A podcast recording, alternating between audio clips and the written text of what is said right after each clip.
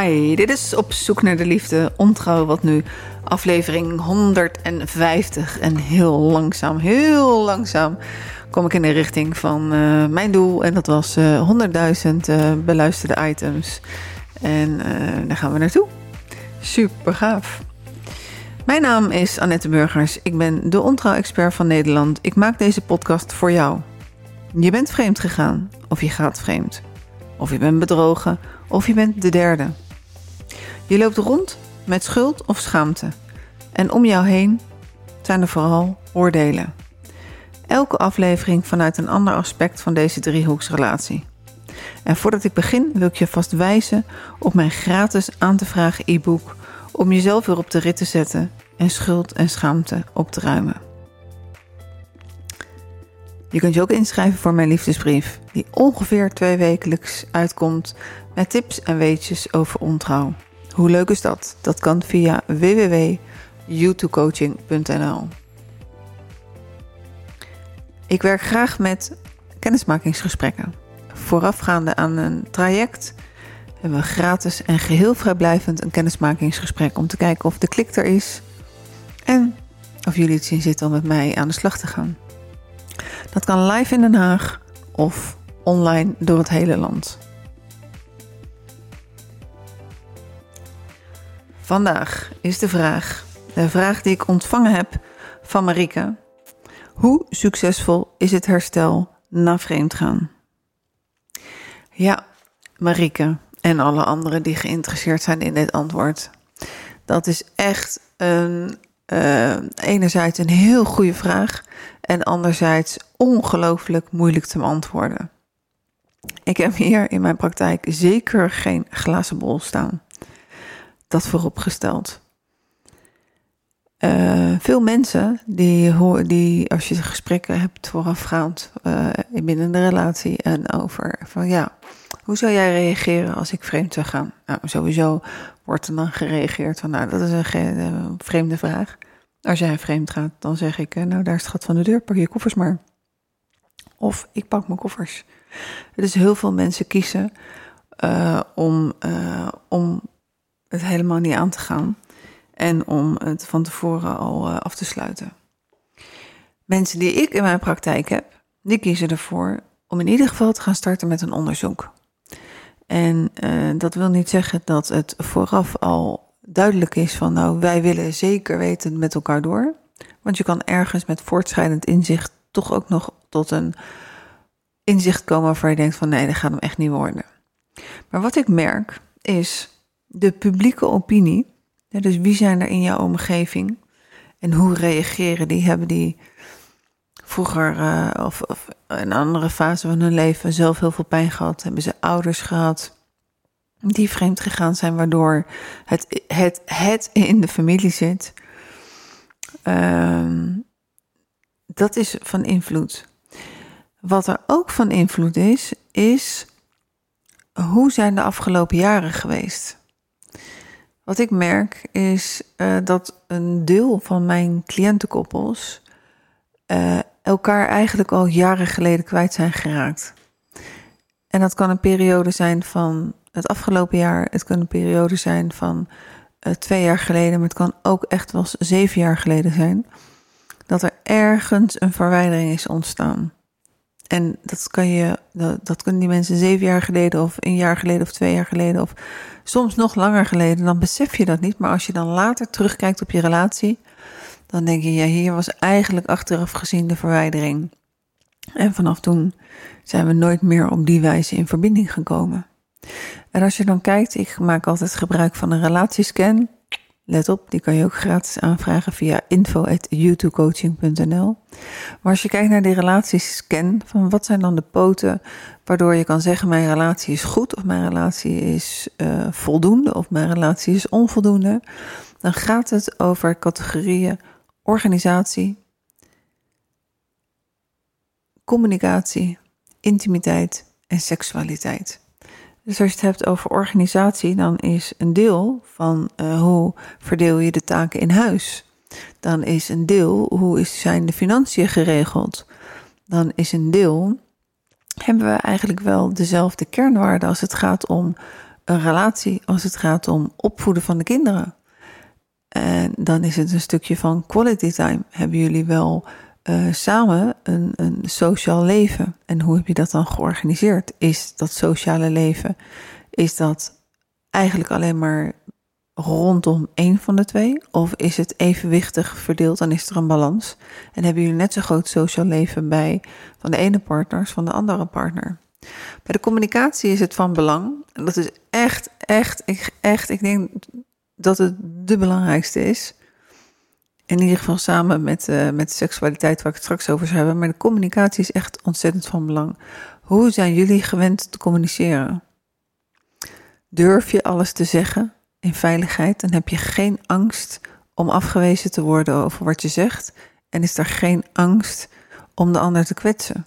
Hebben jullie open en eerlijke gesprekken waarbij waarin je je best doet om echt naar elkaar te luisteren, om elkaar te begrijpen? Of is het een pingpongballetje wat heen en weer gaat, waarbij je eigenlijk allebei daarna denkt van en dat je op een gegeven moment denkt, nou hier heb ik geen zin meer in. En dat je dan alle discussies, maar ook de intimiteit en de verbinding uit de weg gaat. Dus kan je je verplaatsen in de andere? Met betrekking tot communicatie, soms denken mensen, ja, we hebben nooit ruzie, dat is zo goed. Hmm, ik vraag het me af. Het is super belangrijk om in veiligheid ruzie te kunnen maken. Om in liefdesstrijd ruzie te kunnen maken. Als je in oorlogsstrijd je ruzie maakt, dan gaat dat ten koste van de liefde.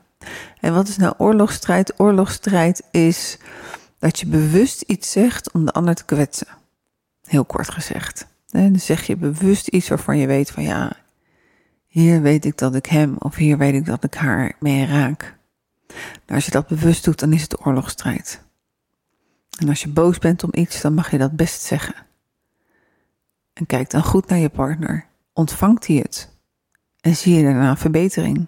Of zie je geen verbetering? Ontvangt hij het en denkt hij van nou ik doe gewoon mijn eigen ding of doet zij gewoon de eigen ding? Maar het verschil van oorlogsstrijd en liefdesstrijd is super belangrijk.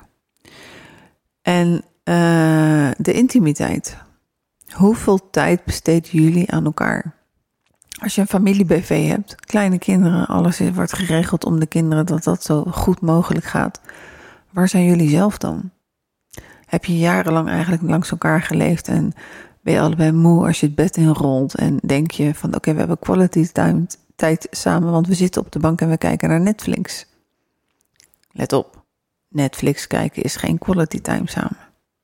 Quality time samen is dat je in, in de ideale wereld besteed je een half uur per dag met elkaar quality time dus aan het einde van de dag, als je een familie-BV hebt, dat je toch met elkaar gaat zitten. Mobius aan de kant.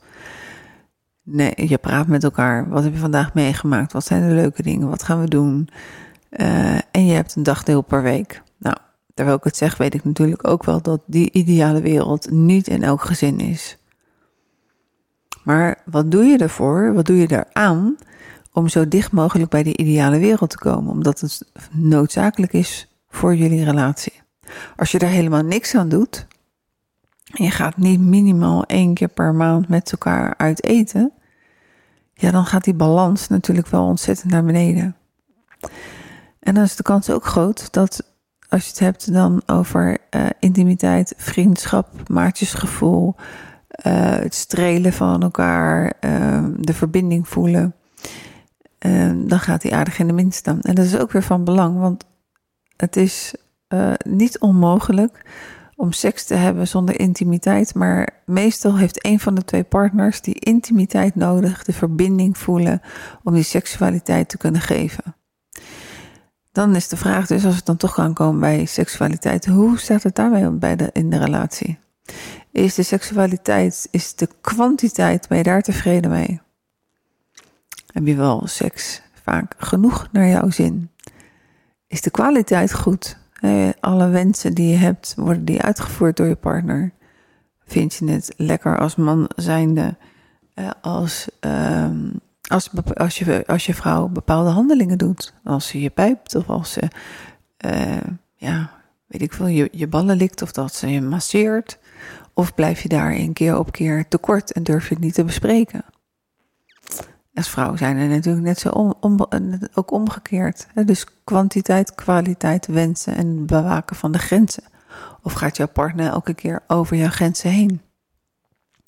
Mijn ervaring is dat als het al jaren eigenlijk niet goed gaat, als er niet uh, uh, minimaal ruim voldoendes gescoord worden.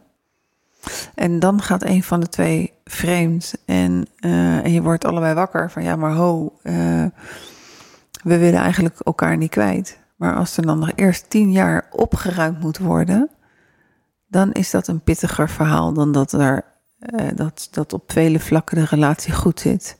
Maar dat er omstandigheden zijn waarom een van de twee toch verliefd is kunnen worden op een ander. dus dat is echt wel van belang. En ik heb dan nogmaals, ik heb die glazen bol niet. Uh, ik heb wel vaak een indruk van is er genoeg liefde? En hoe is de periode gegaan na het ontdekken van de ontrouw of het opbiechten van de ontrouw?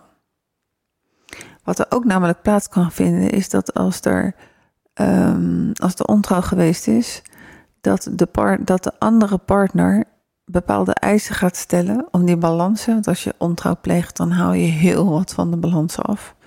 Maar dat de ander uh, ofwel de woede niet in kan slikken en eigenlijk gebruik maakt. En ik heb het woord uh, niet zelf verzonnen. Uh, maar ik vind het een prachtig woord, het destructief recht. Als een partner denkt, ja, maar jij hebt jij bent vreemd gegaan, dus ik heb het recht om, nou ja, dan wordt het vaak oorlogsstrijd, om je van jou nu dat te vragen of om te eisen dat je weggaat in je huidige baan. Dat is overigens wel uh, iets wat kan, wat vaak voorkomt. Als je verliefd wordt op een collega en daarmee vreemd gaat, dat het thuisfront dan zegt van ja, weet je, ik het toch moeilijk om het vertrouwen weer op te bouwen. Ik zou het fijn vinden als je in een andere werkomgeving werkt. Dus dat kan. Maar als het echt van je geëist wordt, en als de omstandigheden zijn waarom het niet kan, dan is het, valt het onder het, onder, stukje destructieve recht. Destructieve recht betekent ook dat iemand gigantisch boos wordt, woede gaat bedreigen. En daarmee maak je nog veel meer kapot dan alleen die ontrouw. Plus het feit dat jij je zo opstelt, maakt het voor de ander ook bijna onmogelijk om alle verantwoordelijkheid te nemen. En bijvoorbeeld als je het elke dag op een heel agressieve manier in oorlogsstrijd te horen krijgt over wat je dan niet allemaal fout hebt gedaan, dan is het ook weer moeilijk om, om, om te herstellen met z'n tweeën. Verder is het echt van belang, is het, de hoeveelste keer is het? is het de eerste keer of is het de tweede keer? En stel dat je de eerste keer in therapie bent gegaan, de tweede keer in therapie en de derde keer ga je weer in therapie dan kan het ook zijn dat je je afvraagt van ja, waar ben ik nou eigenlijk mee bezig? Hoe zit dat nou tussen ons? En wat ook van belang is, is in hoeverre pakt de overspelige de verantwoordelijkheid op? En uh, is in staat om op hart- en zielniveau met verantwoordelijkheid het juiste excuus te maken wat binnen kan komen bij de andere partner. En hoe ver ben je bereid, en dat heb ik ook vast al een keer in een eerdere podcast gezegd. Meestal is de overspelige langer tijd bezig met de affaire, dan dat hij bezig is om het weer goed te maken. En dat goed maken ligt dan, ligt dan vooral bij degene die geen schuld heeft bij betrekking tot de ontrouw. Dus in hoeverre is er een goed excuus gemaakt? In hoeverre is degene die overspelig is geweest echt in staat om te laten zien: ik ga degene met wie ik een affaire heb amputeren uit mijn leven.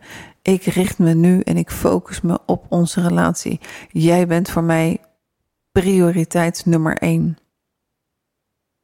Nou, verder wat ik al had gezegd is natuurlijk van wat is de kwaliteit van communicatie tussen jullie voor die affaire? Als de kwaliteit echt laag en slecht is, als het heel moeilijk is om een goed gesprek met elkaar te hebben. En je moet het dan gaan hebben over de ontrouw en over de verantwoordelijkheden en hoe iets heeft kunnen ontstaan. Nou, dat is best een uitdaging. Heb jij nu te maken met ontrouw en wil je weten hoe ik jullie kan begeleiden? En hoe ik eh, wat ik belangrijk vind. En uh, niks is dat je moet. Maar neem contact op voor uh, een gratis en vrijblijvend kennismakingsgesprek. Dan kunnen we kijken en we beginnen altijd met het onderzoek. Is er nog genoeg, liefde? Is er nog genoeg liefde? En willen jullie samen verder? En dan kijken we of het echt kan. En laat ik eindigen met iets heel positiefs. Het kan. Het kan zelfs dat je compleet weer verliefd wordt op je eigen partner. En dat je zegt: Ik zou bijna dankjewel willen zeggen voor dit overspel. Want dit heeft alles opgeschud. Het is een grote crisis geweest. Maar we gaan ervoor met z'n tweeën. In een betere vorm dan dat het ooit was. Het is mogelijk. Cliënten van mij hebben dit echt teruggegeven. Een andere cliënt was weer blij. Ze hadden uiteindelijk heel veel aandacht aan elkaar besteed. Zij hadden een restrelatie. Een heel druk sociaal leven om hen heen. Maar zelf hadden ze alleen maar de kruimeltjes. Dat hebben ze omgedraaid. Zichzelf prioriteit gemaakt. Ze zijn weer gaan zoenen. En ze zijn weer verliefd op elkaar. Wil je meer weten? Annette Burgers. Info at De ontrouw-expert van Nederland. Dankjewel. En stel alsjeblieft je vraag. Heb je een vraag? Stel hem en dan beantwoord ik hem in een volgende podcast. Er is niet één passende oplossing. Het is no one fits. Uh, no one size fits all. Tot de volgende podcast. Die is overigens aanstaande donderdag ga ik die opnemen. Met een ervaringsdeskundige.